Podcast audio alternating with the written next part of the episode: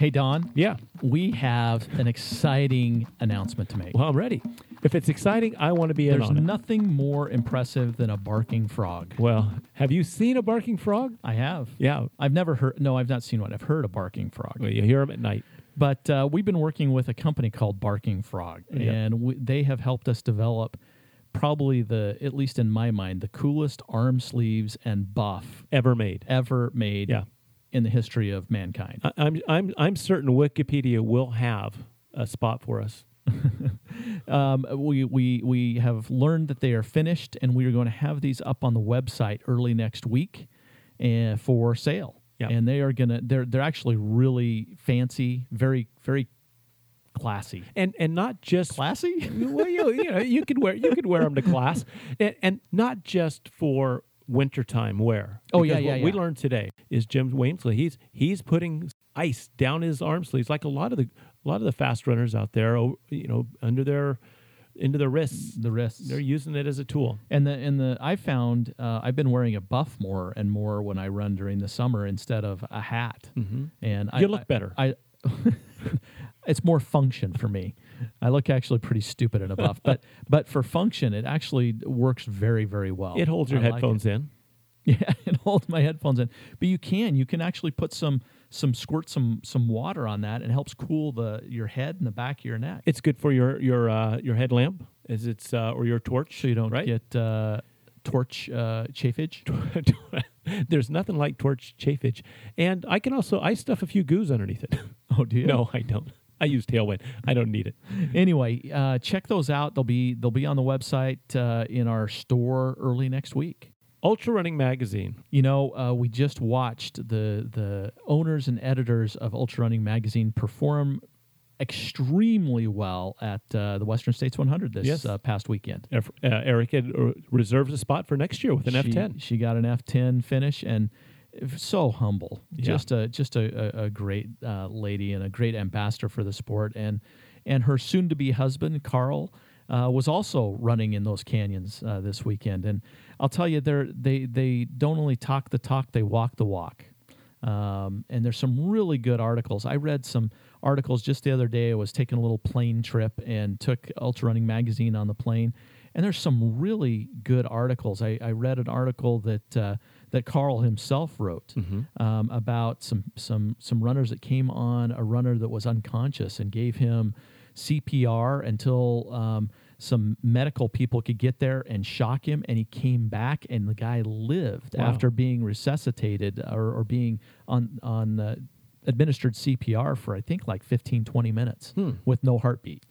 And just just cool stuff like that that's in there. That That's a great story. And that's just the tip of the iceberg. There's so many good uh, articles in Ultra Running Magazine every single month, and the July issue is coming up here soon. It has our latest ad in it. It does. So go to trailrunnernation.com and go to the partners page, and bam, Link on over. Ladies and gentlemen of the wide, worldwide ultra running community, you are listening to nothing less than the greatest trail running nation podcast on earth. It is the Trail Runner Nation podcast.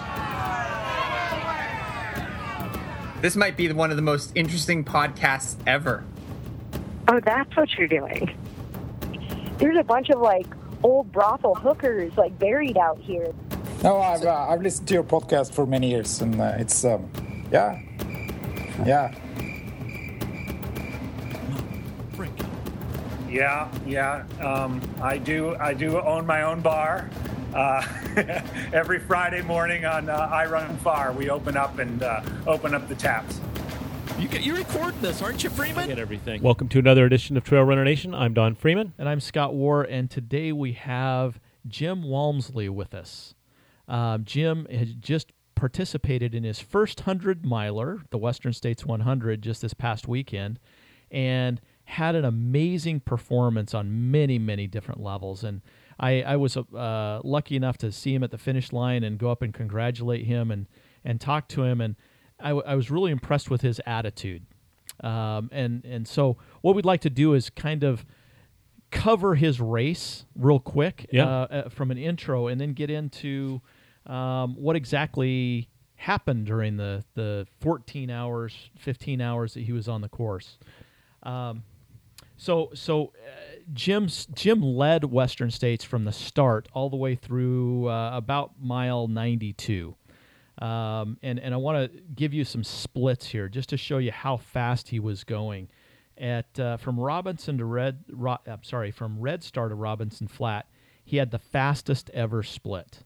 From Robinson Flat to Last Chance, he had the fastest ever split. From Last Chance to Devil's Thumb, he had the third fastest. Devil's Thumb to Michigan Bluff, he had the second fastest. Michigan Bluff to Foresthill was the fastest ever split, under an hour between uh, Michigan Bluff and Foresthill. And Foresthill to the river, he had the third fastest time. Now, uh, if you didn't follow the race, um, this is where things got a little complicated, and this is where the real story begins, I think. Um, unfortunately, um, Jim was headed headed down the trail, and he missed an important turn, and ended up going about two two and a half miles beyond that turn and then finally got turned around and, and had to come back. So he added this was not a 100.2 mile race for Jim. This was a 100 and about a 105.2 mile race for Jim. Um, if he would have stayed on the pace, which undoubtedly he would have, he would have he would have broken uh, Timmy Olson's uh, record for Western States. He probably would have finished in I don't know about 14, 14 and a half hours. Did I, did I get all that right, Jim? Yeah, about right.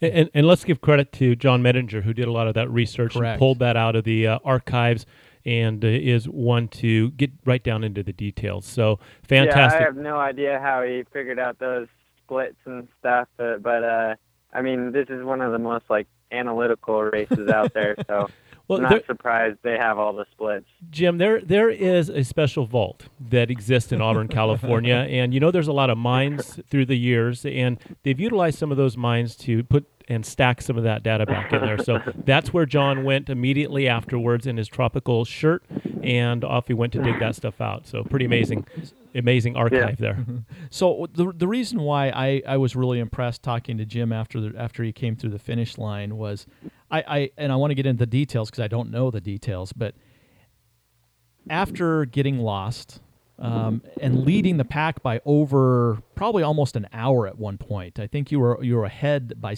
by of, of second place by by nearly an hour.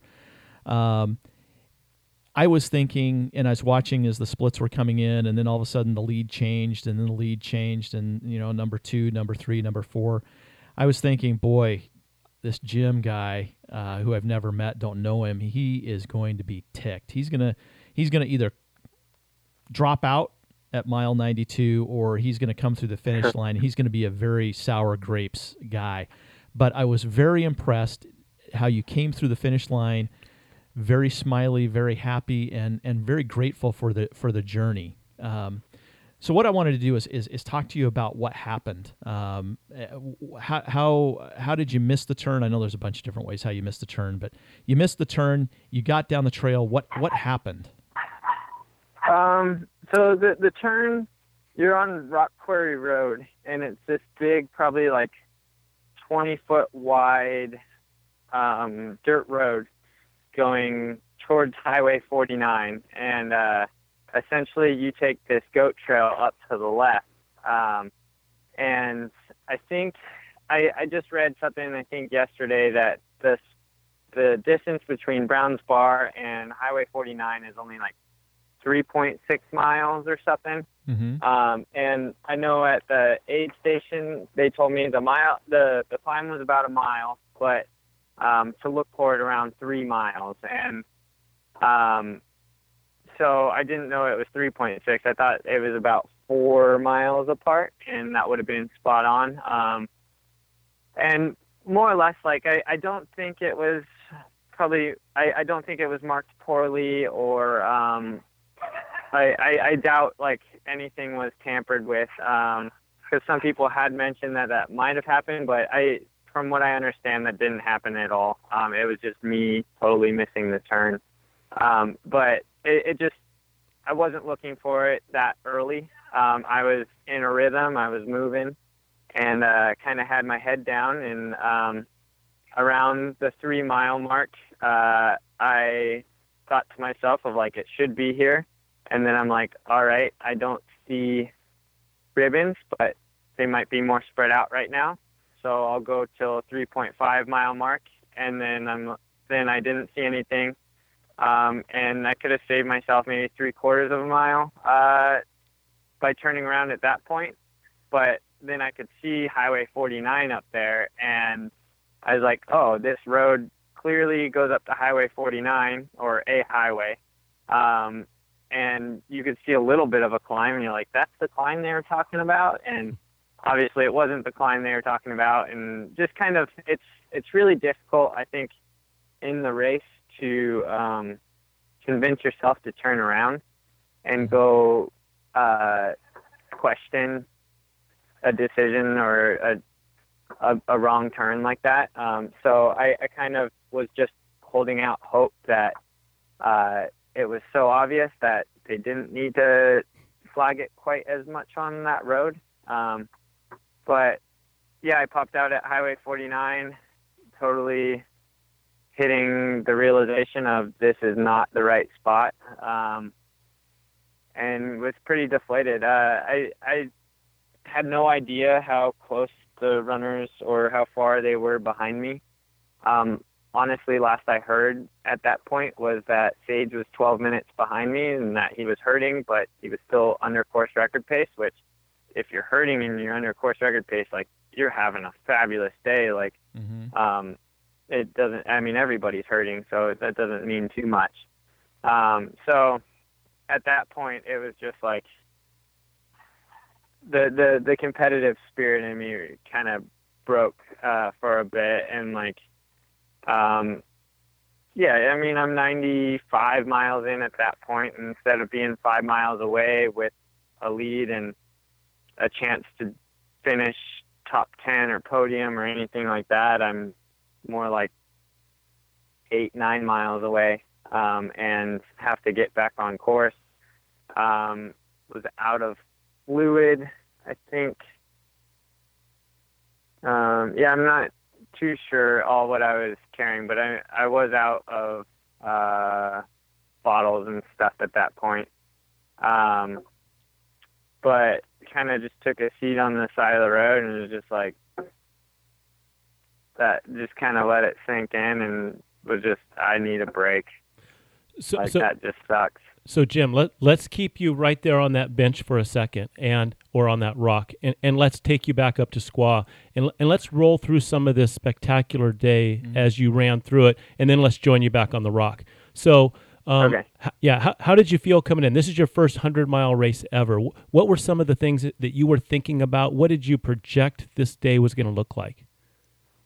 Um, I, I wasn't sure uh, because you have so many experienced guys, and then like like a lot of talk was about David Laney and his experience and his huge breakthrough and awesome performance at UTMB last year. Um, just the experience he was experience and speed he was bringing in, and then Sage is like such a great athlete and has dominated ultra running the last couple of years that um, he was going to have a similar debut um, to what I might be out there for. Um, and then you have guys like Ian Sharman, Jeff Browning. Um, I would throw Andrew Miller in that sort of uh, grinder mentality. He doesn't have, he's not as old as those guys, but I mean, he's been racing ultra since he's 14 and he races so smart and is just so tough throughout it. I mean, you can see that in a course record at Bighorn that that that guy is just tough um, mentally and physically, and he's he's more than ready. And yeah, he he totally deserved that win. Uh, he ran great, but um, kind of going into it, I wasn't sure how strategically it would work out. Uh, I started going up escarpment and kind of wanted to let everyone else get into their groove and then see how, what other people decide to do. And essentially, I was trying to go slower and slower and slower up escarpment, um, which is the first four mile climb with like 2,500 feet of climbing at the beginning of Western States. Um, and I kept noticing that other runners seemed to look back and kind of double check where I was on the hill. And it was almost like frustrating of like just go run like like I don't want to be in the race right now. And kind of once I crested, I, I mean, I still even walked uh, like across the top and then walk downhill a little bit to give me more space, and then just decided, well, let's try to just start flowing from here. And uh, I think there's maybe six miles from the top of Escarpment to Lyon Ridge, and in those miles, I kind of just started to find a groove and decided that, well, let's just try to hit um, record splits and stick to my game plan of if I can hit record splits, that's awesome. I, I mean, I don't think you should. It, it's like logical to go into a race thinking that record splits are going to come easy, but um, on Saturday it was that plus some. It, it just felt amazing, and everything was really clicking really, really well. Um, so it just kind of snowballed into um, trying to get a couple seconds on the record uh, record splits here and there, and it just kept adding up. Where did you take that lead? Going into Lyon Ridge, or Um, where did you separate? So I, I took the lead at it was 7.8 on my watch, uh, and I was just like, oh boy, this is gonna be a long, lonely day. But uh, but then I also look at it too of like I think about that. That's uh, like 54 miles by myself, and then I get to pick up a pacer. Um, so I was like, ah, that's not too bad. Like, I mean, I've ran 50 milers kind of by myself. Like, it's not that much further. So, um, mile eight, but then at the aid station, uh, so at the beginning of the race, uh, I think I need to do this kind of an Air Force Academy thing. Every time you walk outside of your room, you have like someone look at your uniform to make sure everything's all right and you don't have something out of place. I should have done that before the race because I totally forgot my uh, my gel, um, which had 500 calories that I was supposed to start with. So part of making a little bit of an early surge was to get to the aid station to give me more time to fuel. Um, so I took my time at the aid station, drank a lot, grabbed a bunch of uh, the Clif products that they had there, um, and kind of got fueling early, packed some stuff in the pockets to go.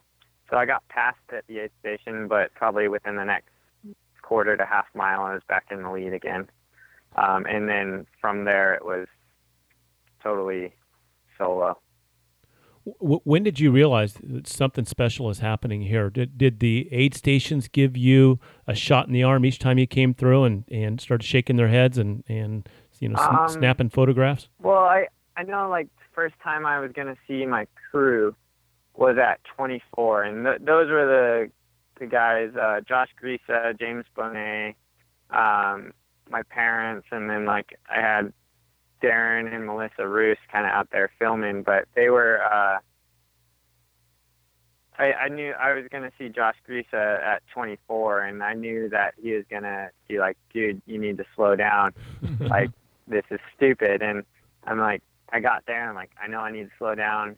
I'm trying. Uh, we'll see. And then I come through Robinson Flat, and it's just, I'm trying to slow down. It's just, it feels good right here. Like I'm not pushing it. It it feels fine, and like it in the back of my mind. I mean, I've heard stories of like that's how Max King felt when he ran Western States. Of like, I feel comfortable. I feel fine. Like I'm not pushing it, and um, I think he hit a bit of a wall uh, when I think around 70, 75. So it's just kind of one of those things of just, just totally go on the easy side of things and don't cross that line. So I was really trying to keep that in, in focus and not trying to chase things, but um, yeah, things were just flowing really, really amazing for sure. Oh, along the way, did you ever have any struggles or any low points, or did that flow just continue? Um, I would say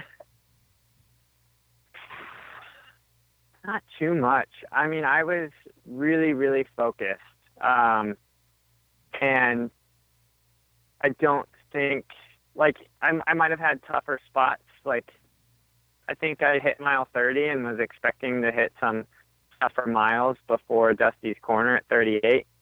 And it just didn't really happen because I, I find 32 to 38 kind of seems to be a tricky spot, and a lot of 50 milers or um, maybe not 100Ks. I don't know if I'm as in tune with the 100K quite yet, but uh, a 50 miler that seems to be kind of a um, a crux part of the race is 32 to 38, and I was kind of expecting to hit a little bit of a low spot there, but for the most part, I mean, keeping the perspective that it's a 100 mile race, um, there really weren't low spots, um, which is just crazy because I, I don't think you can plan on going in a race like that and running that hard and not have a low spot of just, um, yeah, it, it was a it was a good day for sure. Things things were going well. So so never a low spot, and that's how course records happen. Mm-hmm. You you have the all the stars align and no low spots. Have you ever had a race without low spots? Is this a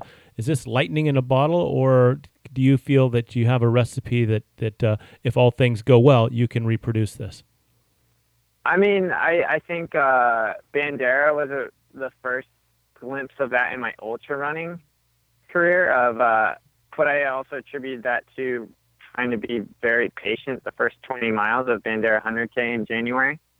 Um, but I felt so strong for all 62 miles at Bandera, and that was a big realization for me of I can definitely start attacking these ultras like something was clicking, and I, I think that was a realization for me that I say I kind of got my ultra legs under me of when when things are feeling really tough, um, and your legs feel like lead. Uh, my legs were moving really, really well. So um, just trusting that I'm moving well still. Um, and then Lake Sonoma was another one where just yeah, everything went well. Um, I tend to be able to um, down calories and liquids really well and not have stomach issues. I mean, I kind of jokingly say that part of my day-to-day diet is just training for ultra. So I I don't mind if I eat bad foods of just like oh training for an ultra like you just want simple sugars and stuff. So uh, I mean there's definitely meals that get me before runs. Like I try not to eat a full meal before run, but um, for the most part, like I'll still have a lot of foods before runs that a lot of people can't handle stomach wise. So, Jim, we have you sitting on a rock at mile 95, and now we have you standing at Dusty Corners with your crew. And so let's leave you in those two spots and let's learn a little bit about some of your running before you entered Ultras because, my goodness, you look at your gait. And um, yeah. Dominic Grossman put out a put out something out there on Facebook, and and he has a black and white photo of you that's just hard not to re-see in your head because you're you're flying. I mean, both feet off the ground. You're perfect form going through there, and it's just amazing. It's like that Anton yeah. that we used to look at, you know, the video from the side by the lake. And this is one of those images, a still shot that just says, "Wow, this guy is flying." Well, and and and I have to say, he he came by me at mile fifty, and it looked like he was floating. Oh. it really did. I mean, it looked so effortless that I thought, wow, this is this is special. So where did you learn this? Give us a little background on what you did before you decided to start taking first place in course records on in the dirt. Um, well, I mean, like I, I was a good high school runner. Um, I think uh, track times in high school have gotten just exponentially out of control. High schoolers nowadays are so fast and training so hard. Um, but I was I, I grew up in Arizona, so I kind of uh, I was a freshman when Kenny Cormier from Douglas, Arizona, um, won Footlocker Nationals, and he was just a training animal. And uh, I read all of his articles all the time, and just I, I did a lot of reading as a high schooler to develop my theories on training and running and how I wanted to train. And um, I think it boils down to I, I knew I was a hard worker, and so my junior year, I decided that I was going to try to run like 90 miles a week in high school, which is pretty crazy for high school. Um, now I joke that I didn't even run that mileage in college, but in college, uh, I had a lot of other stressors going on. But it, so in high school, um, I ended up like my biggest goal was to basically qualify for Foot Locker. Um, and I, I was able to do that, but at the same time, I remember being so starstruck because I, I was like always glued on DyeStat as a high schooler. That was a big website, and just all these big names. Because now you look at it too, like Chris Derrick, German Fernandez, Diego Estrada, um, Mike Fout won Foot Locker that year, Luke Puskedra. Like those guys were all in my high school class. Hmm. And like so just my jaw dropping at Foot Locker of just I, I wish I wasn't so starstruck and I could have raced and like um concentrated on my own race better. But I it was it goes back to I remember just trying to absorb that moment and just it was super awesome. Um but then yeah, so uh high school I was a good runner, but um in college cross country didn't really click. Uh in Arizona, we kind of do road races for cross country. A lot of it's on roads or hard packed dirt or really, really dead grass. Um, and kind of, and all of it's in flats too. You can't wear spikes in Arizona, so that's also unusual. But um, in college, I, I don't know what it was. It might have been like the really, like a lot of the races were on thick grass, but um, I, and then the distance is 8K and 10K. Uh, something about it just never really hit my stride in cross country in college, but I, I did all right on the track um, where I got PRs of 1352 for 5K, um, which that one's kind of cool because that was a tactical race that I broke open with a thousand meters to go, and I ran 204 for the last thousand, uh, which is a good, or 234 for the last thousand and 202 for the last 800. So like a lot of people thought I took off too early, like a, a lap early on that one. So that one's kind of a memorable moment in my college career. Um, but then like I hopped in the steeplechase my senior year because I never qualified for NCAA nationals and um, kind of I think being able to pick up the steeplechase within a month or two and end up getting 12 set NCAAs, which got me like second team All American. Um, that I think that kind of shows like potential of picking up like the trail running aspect of ultra running and uh, like that sport in the future. Um, so kind of a little bit of foreshadowing there. Uh, but yeah, so I mean, I yeah grew up running competitively in high school and then uh, ran for the Air Force Academy in Colorado Springs in college. And um, like like I said, I did less mileage most of the time in college than I did in high school. Um, but the biggest thing was that with that was uh, I was adapting to 7,000 feet. Um, I, I'm from my house in Phoenix is about a thousand feet. I, I moved up to 7,200 feet at the academy. So that's a big stressor to adapt to, especially initially. And then um, just being at a service academy, uh, like uh, it's the same as West Point or Annapolis. Uh, the Air Force Academy is pretty stressful. Um, so it's it's a lot about managing stresses. So um, I was getting a lot of other stresses in my life at the time where I didn't need to run as much to perform well as um, because you just need to balance stress in your life. I think that's applicable for any any athlete or runner, um, whether it's your job, family, uh, training, that sort of stuff. Uh, so that was one thing where we could just tone back running a little bit, and you, you got to manage sleep and homework and the military stuff. So uh, that, and then um, yeah. So I guess uh, after that, I went into the Air Force for a couple years. So so hold hold that. Um, so here's what I think is interesting. You you recognize that just emotional stress, life stress, is a reason to turn back some of the training intensity, but feel confident that you're not losing your fitness level just because you're backing off. You really you really take a, a good look at the stressors and you don't over overtrain.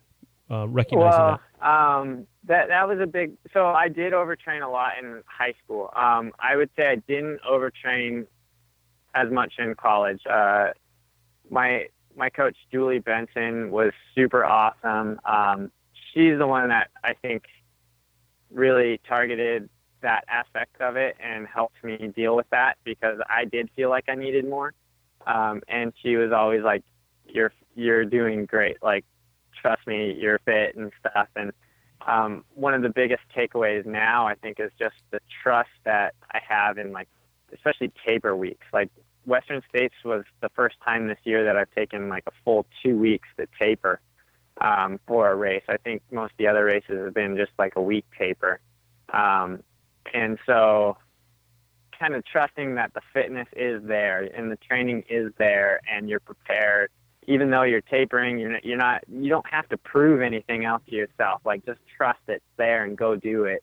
Um, and, and it's about putting out the performance on race day. It's, it's not about the workouts um, that lead up to it that say you can do that. It's it's about like those prepare you to do what you're about to do but it doesn't mean you can or can't do something.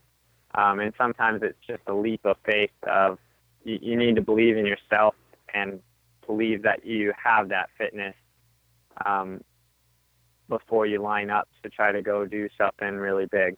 Yeah. Or like or what, what, whatever that goal is. Um, uh, and that can be different for everybody. You know, I, I'm I'm real curious, um, and then we'll get back to to you on the course. What did that taper look like? You said that uh, for the, the two weeks prior to the, the gun going off at in, uh, in uh, Squaw Valley that you tapered. What does what does taper Yeah. mean to you? What does that look like? Um, so there's a kind of a couple things, I guess. Uh, mainly mileage is what I'm referring to when I'm saying taper. Um, so my my biggest block sets for training for states were back-to-back 140 mile weeks, um, and they they were a little further out, but I knew those were going to beat me up. So I wanted some lower mileage, lower than that mileage weeks, but still training well weeks to kind of recover from those huge blocks. Uh, so I did 140, 140, and then I did 120 and 100, and I finished that 100 mile week, uh, the most of it out um, during the Mountain Pulse running camp um, out in Tahoe. Uh, and then, then the two weeks before states, I, I ran 65 miles, and then um, I'm not even sure what I hit uh, the week of states. It was kind of as feel. Um, I took Monday off before the race. Uh, I hadn't had a day off of running in a month and a half, and I, I kind of tell people like, never plan a day off, but listen to your body and take the days off that you need. Um, and I thought that one was a really well needed day off. Um, and, and I guess I say the day off thing of like, it's totally okay to take days off. But I, I just say, I, I know from my experience of going from college running, of running every single day sort of thing, to having a job, trying to balance stuff. Um, the days off that you plan to take off are really easy to take off, but then there's also days where you think you have to force your run and you, you don't. Um, like you, you should take those days off where you're just completely drained and you're wiped. Um, and so, but that leads into I say off days are contagious. So um, you don't want that. Uh, you don't want an off day to turn into three off days, or one off day turns into a week, and now all of a sudden you have this daunting thing of, well, now I got to get back into running, and like every your first run back, like things might feel out of rhythm, and stuff. So um, those those are just little things I do for myself, I guess. I I would like to to warn those that are that are listening that that Jim's 140 miles is about the same time that it takes us to run 50 to 60 miles. So keep that in mind when you're trying to figure out how, this Ti- guy's time running on a- your feet. Yeah, it's time on your feet. It's not just necessarily miles. Think of his mileage Yeah, as I- kilometers. I, I think I peaked out um, under 18 hours. That's a good way to look at it. Just measure time on the feet, Um, just like that. yeah. Good. Yeah, yeah. Yeah, 18 hours, and then the first 140 mile week was 22,500 feet of vert, and then the second week was about just shy of 15,000, I think, or maybe closer to 14,000. Uh, I backed off the vert on that one because the first week I could totally feel it, but um, I had super killer workouts. Like I, I went to the Grand Canyon, and like my go-to loop is go down Bright Angel, up South Kaibab, and then back on the rim trail, back to the parking lot um, and that's about a 21 mile loop that's got a long gradual downhill and then a steep climb out. Um, and I did that one Monday, but then like my biggest workout for the whole block was probably the next day, um, which I wasn't planning on, but James Bonnett planned it for me of just I was going to go run with him. And then we decided to do Mount Ord, which is by Prescott, Arizona. Um, it goes from about 3,000 feet to 7,000 feet, and uh, basically we started in the middle of the mountain and ran up, down, up, and then down and up, some sort of thing. But basically did the mountain twice to get about 8,000 feet of climbing over 30 miles. Uh, with the downhills being the emphasis of running those hard, and most of those were around like 520 miles. But um, that that was a huge day, and to be able to have that in my legs the day after a canyon run was um, really remarkable. Uh, I think anyone in Flagstaff or people that have run in the canyon do the down ups.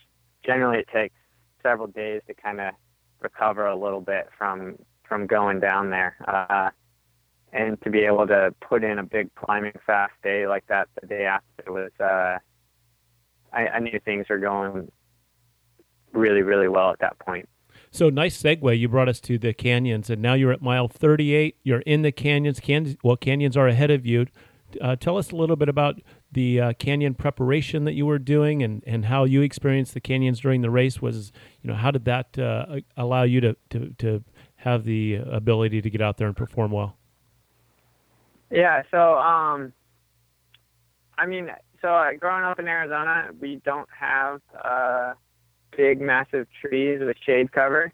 So like one big benefit that I was telling myself is like at least these trails are covered for the most part. Like um, doing it in Arizona, it would just be exposed all day, and you just get so wrecked by the sun. And I know if I was walking during the race, uh, I, I wouldn't. I would try not to walk in the sun. Um, was one thing I tried. Uh, if if I was gonna walk, I wanted to walk the shade and then run through where the sun was. But um, it, it wasn't bad. Uh, it didn't really feel hot um, until really like maybe mile 50. Um, and and even so, it's not that hot. Like you're just putting up with kind of more or less stagnant air at 100 or 105. Like it's not. I, I mean, some of my training runs in Phoenix were up over 115, 117 sort of thing, and those were miserable. Like a couple of them were complete failures. Of like I went out for a 14 or 16 mile run in 115 degree weather, and I only made it three miles out before I'm like, I'm out of water. I, I feel like crap and I need to turn around. Like, this is dangerous. I'm the only one out here.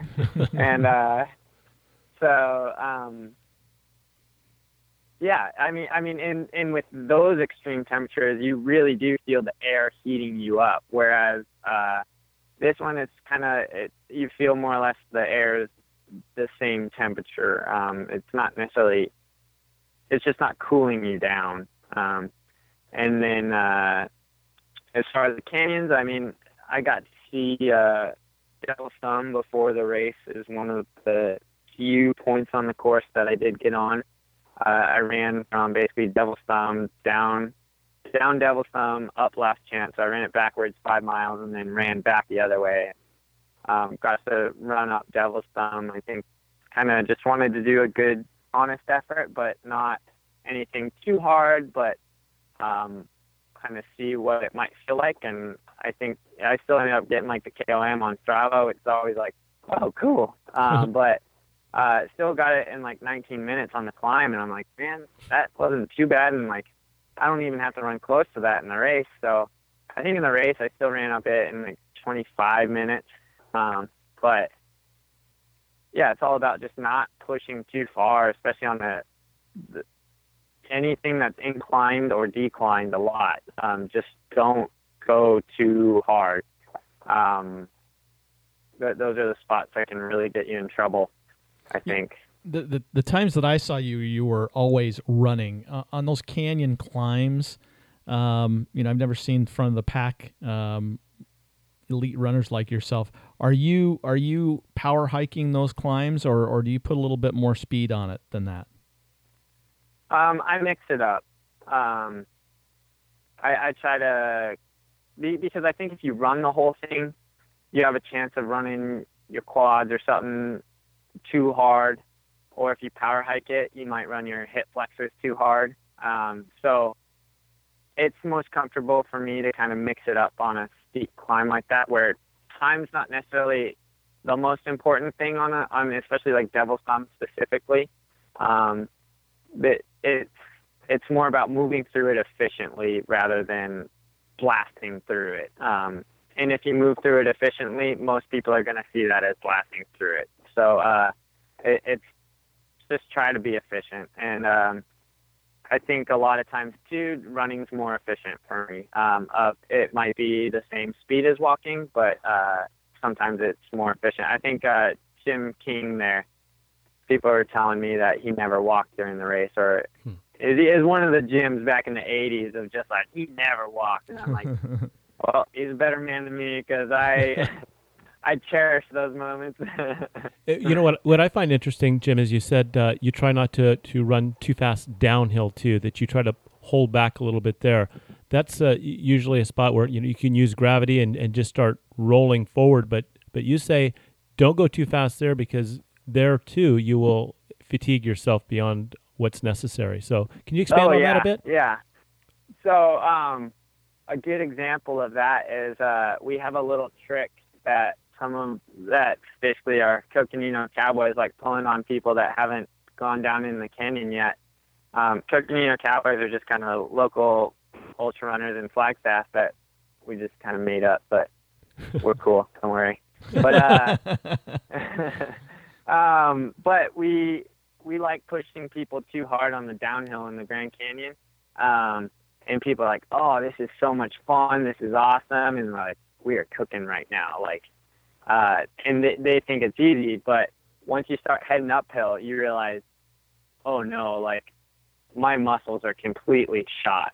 Like, huh. and it's the downhills that can really just destroy your momentum um, in the races of uh, whether you're going uphill or downhill. Uh, it's really the eccentric contractions of the muscles that are gonna wear on you the hardest, I think. So, so, so, it's so, important not to not to overextend how much you're letting the gravity go. But it's also a catch twenty two, I think, as well, because trying to slow down just a little bit, I think you get more friction on your feet, um, and I find that to be a problem um, in a lot of uh, races for me. Is I, I get hot feet um, quite a bit. So, so how? What is your method of slowing down? Is it a, is a mental cue? Is it? Are you are you looking at your your pace? What? How do you slow down? What what metric or what um, what do you use to? Yeah. What feedback? Yeah. External feedback do you have of of that you know okay. you're going the right speed? Um. I mean, because obviously grade is going to depend on, like, going to vary the speed of which you're going to descend and stuff. Um, but and then technicality. Sometimes I'll try to hit a rock that's sticking up that looks really firm and kind of use that to jolt my momentum a little bit. Um, it's also kind of when you're going, say, there's several parts on the course that have switchbacks downhill.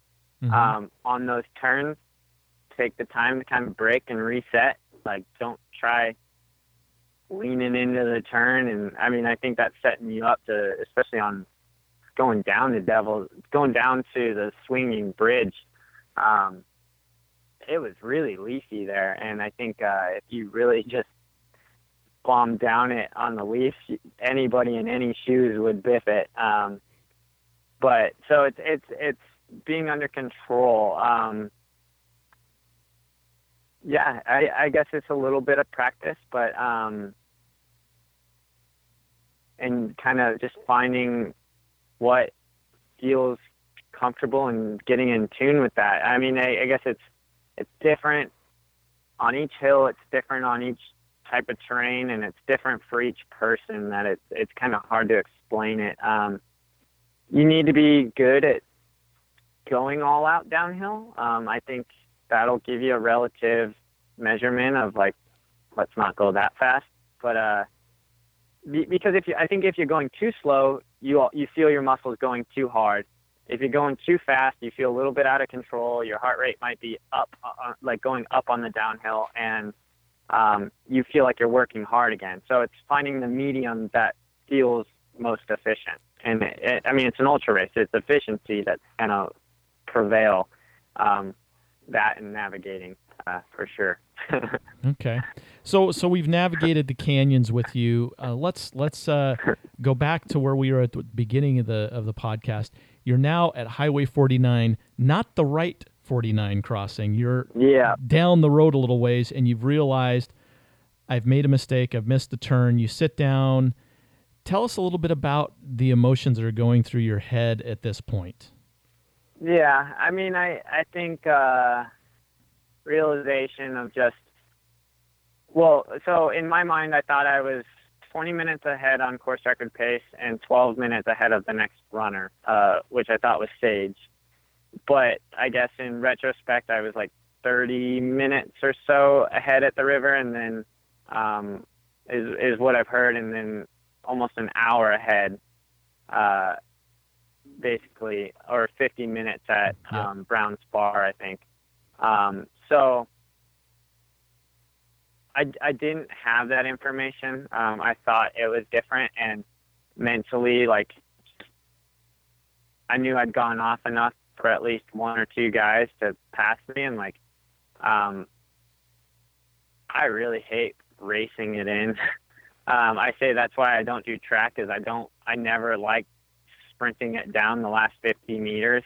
Mm-hmm. Um, I I just didn't necessarily have that type of turnover. Um, so like I, I like the long kicks rather than a short sprint. Um, but uh, so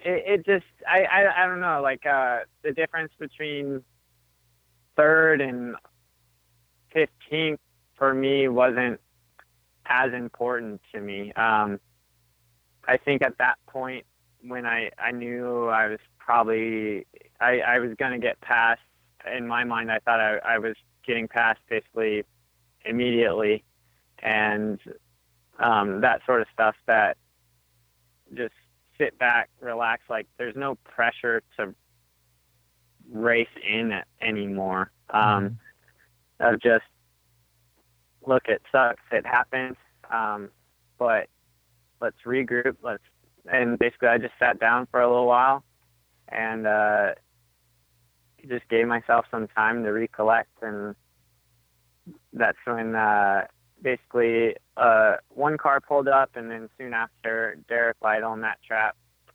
came driving by of like, dude, you're not in the right place and I'm like, yeah, I think I figured that out.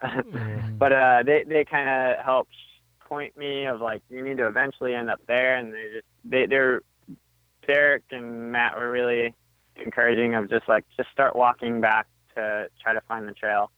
So um, I start walking back on Rock Quarry Road, and basically, yeah, I, I essentially walked it in from that point in of just uh, I I just wanted to get the 24 hour silver buckle at that point. Um, place didn't really become quite as important for me. Mm-hmm. Um, and, and finishing became more the goal. Uh, I didn't, I didn't really adjust it. I mean, I, I don't have control or even knowledge of where it's like I might have had some points of where second was, but I had no idea how spread out everybody else was. Like that, that wasn't in my control. Something I could control was trying to get a silver belt buckle. Mm-hmm. Um, and, and so that, that became my, my goal at that point. And, um, for me, uh, I was okay, uh, walking it in and yeah, I mean, I gave it what I had and, uh, it'll be there again to try it again next year and, uh, in the future, Well, uh, you know, and that's kind of just how I approached it. Yeah, and and like Scott Ledwith, you know, he said uh, he really respected the the way you took it all in and and your attitude towards what had happened, and and now that hundred mile distance isn't something somebody could say, well, he hasn't done. You've done it, and and Yeah. that's that's in Yeah. your resume now, and you know in your heart, heck, I've I've traveled to zero to hundred, and that only sets you up for confidence and and strength for the next time around. And then you answered the question next year. It, it sounds like you have your eye on that on that uh, start line Um, at Squaw. Yeah, I mean, I think this kind of this whole race kind of maybe delays some of the other plans I had in ultra running of just I, I would love to travel, go take try to take advantage of some of the world tour ultra races. Um, like one of the biggest things with running is I really want to travel, but at the same time, um, there's races here in the U.S. that are monumental and important and legendary that um, I feel is important to get the groundwork in. Uh, so, and and I kind of see from this experience just how easily Western states can be addicting to just keep going back to. I mean, mm-hmm. uh, so, but with this, yeah, um, I right now, um, obviously, I'm not going to hold myself 100% to this, but right now in my mind, uh, I'm going to be back at Western States uh, next June. So uh, we'll go after it again. Um, Got to hit a qualifier, so that's going to be uh, planned out. Uh, I think right now Black Canyon sounds great if uh, all the qualifiers are the same races. Um, that one's kind of just south of my backyard, so I think I can do some course recon. Uh, and then there you go.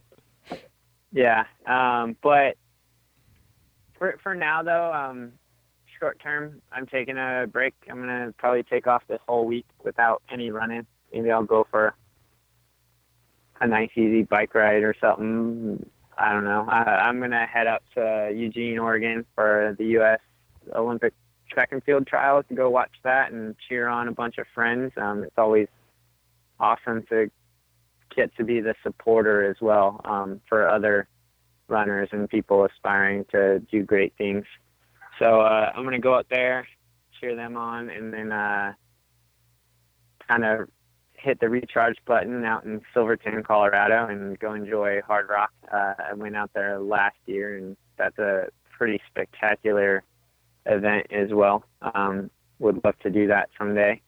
And then uh, the the focus. I'm going to do Bridger Ridge Run in August, which is out by Bozeman, Montana. But um, I'm not sure if I'll look at that race as a competitive race or not. Like I don't want to force any training for that, definitely. But um, we'll, we'll see. It's a it's a it's a 19 20 mile run on a in the Bridger Mountains, which is pretty cool. Um, probably one of the most scenic, awesome races in the country. Uh, but the, the main focus for the rest of the year, well, this is going to be kind of the end of my season right now and hit the reset button and I'll revamp up for uh, the end of November and beginning of December. Uh, kind of have an idea and plans to try to double at JFK and the North Face right now.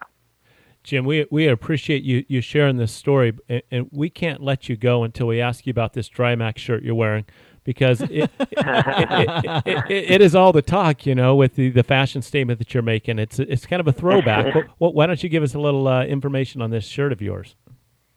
Okay, so um, hey, ultimately it's about functionality, and Scott Jurek almost had it dialed. He, uh, he, he almost had it dialed. Huh? He was pretty successful. he needed the slits in it, and he probably could have knocked off a couple more minutes. Um, we need to get this to him.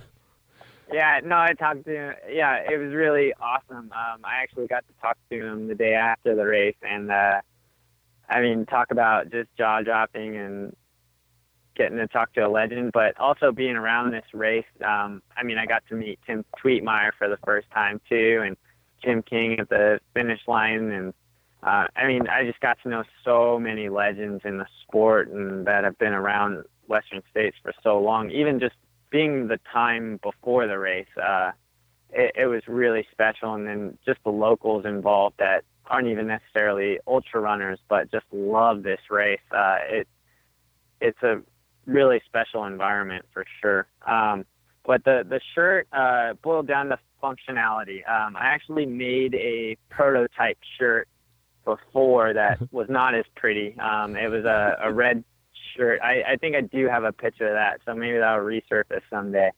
Um, but uh, so I kind of had the idea. The the one thing why I was worried about a crop top though was that uh, I wear these belts to hold my gels, and um, I was worried about chafing going on, and with the sometimes they the the little belt packs uh, bounce a bit, and I think there's a video of me running through Foresthill where you can see it bouncing quite a bit. Yeah, but I it's, saw that. It's actually pretty comfortable. Um, it's, it's I don't feel any rubbing at all, um, so that wasn't bad. Uh, but um, that was one worry. But I went on a couple test runs. I started filling up uh, those few flasks with water to just put weight in the back of it to see how it would do with the crop tops and felt totally comfortable. Uh, so I'm like, all right, crop tops in.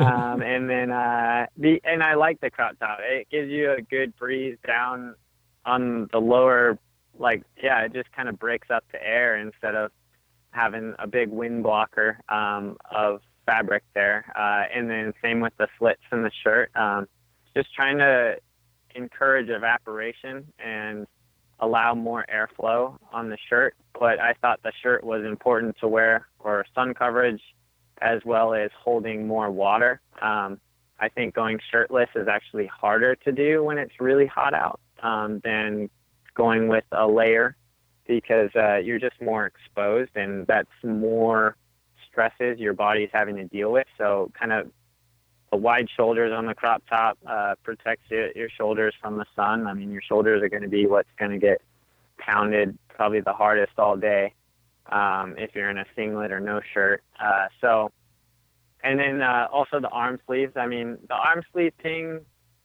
That, that's probably a tip from Rob Krar. Of he had the green ones last year, and I asked people about like, have you ever ran it? And people are in like, um, uh, my friend Natu, he has run uh, Badwater several times, and he's like, "Oh yeah, definitely like long sleeves or arm sl- like arm sleeves like that because you can just get them wet, and it's about keeping those wrists wet.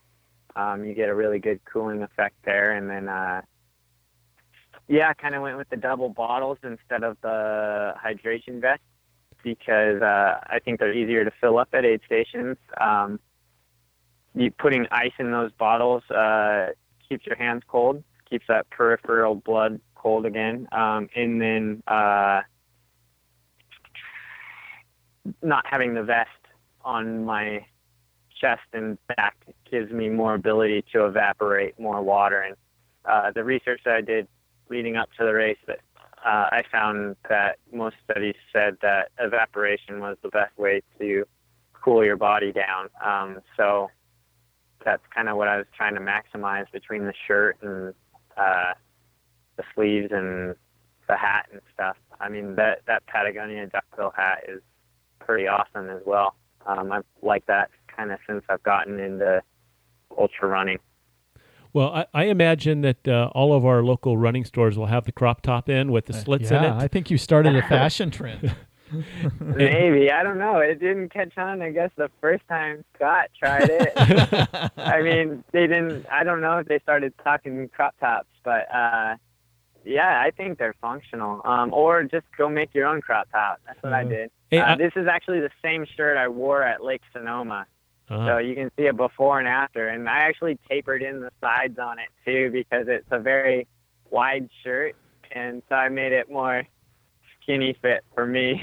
yeah, Scott Scott Jurek was ahead of his time. I, I think I think uh, 2016 is the year of the crop crop top, and I and, and I like yeah, it. he, he just might have been too too ahead of his time. Yeah, that that yeah. happens sometimes with visionaries. They just they they have the right product. They they just miss miss the timing. And I'm glad you're going old school with the with the handhelds. I, Yeah. I, I like that, and I, I think we were getting getting too carried away with all these hydration vests, and, and I'm glad you're bringing it back. So I'm a handheld carrier myself. So bring it on. Yeah, I, I was a, I was a little worried about it because I, I hadn't done much with two handhelds though. Um, I'm a very big fan of one handheld. I think two handhelds kind of breaks up the rhythm a little bit. Of I feel a bit slower with two handhelds, but uh, you have to do it when it's hot like that. You need a bottle to keep squirting yourself. Um, so uh, and then it didn't seem to bug me. Uh, I felt like I was getting more used to kind of keeping the bottles more to my center of gravity. which I found made it easier to. I mean, I don't have big arms by any means, so uh, I need to figure out how to make those bottles weigh less. You know, so Hey- kind of keeping them closer to center of gravity helped. You you, you mentioned a, a small comment there that I want to I want to touch on. You, you said you had two bo- bottles, one to squirt yourself. Was one one bottle dedicated to continuing to keep that shirt and the hat and everything wet, and the other one was for Yeah. drinking, or or how did that work? Yep. Yep. One bottle is dedicated to um, just squirting myself with, and then the other bottle was dedicated to calorie. Okay, interesting. And then uh, I would go with the uh, um, the little pouch though to keep uh, some basically gels in. Uh, I did the gel flask, Mhm. but uh, I did that as well because that's an easy way to get in a bunch of calories all at the same time. And I usually dilute that a little bit, but uh, in some, especially probably after mile 40, some of those ones were so hard to force myself to just mentally like commit to drinking it. But I would almost down like five dews within 10 minutes because like I just didn't, I just wanted to get it over with.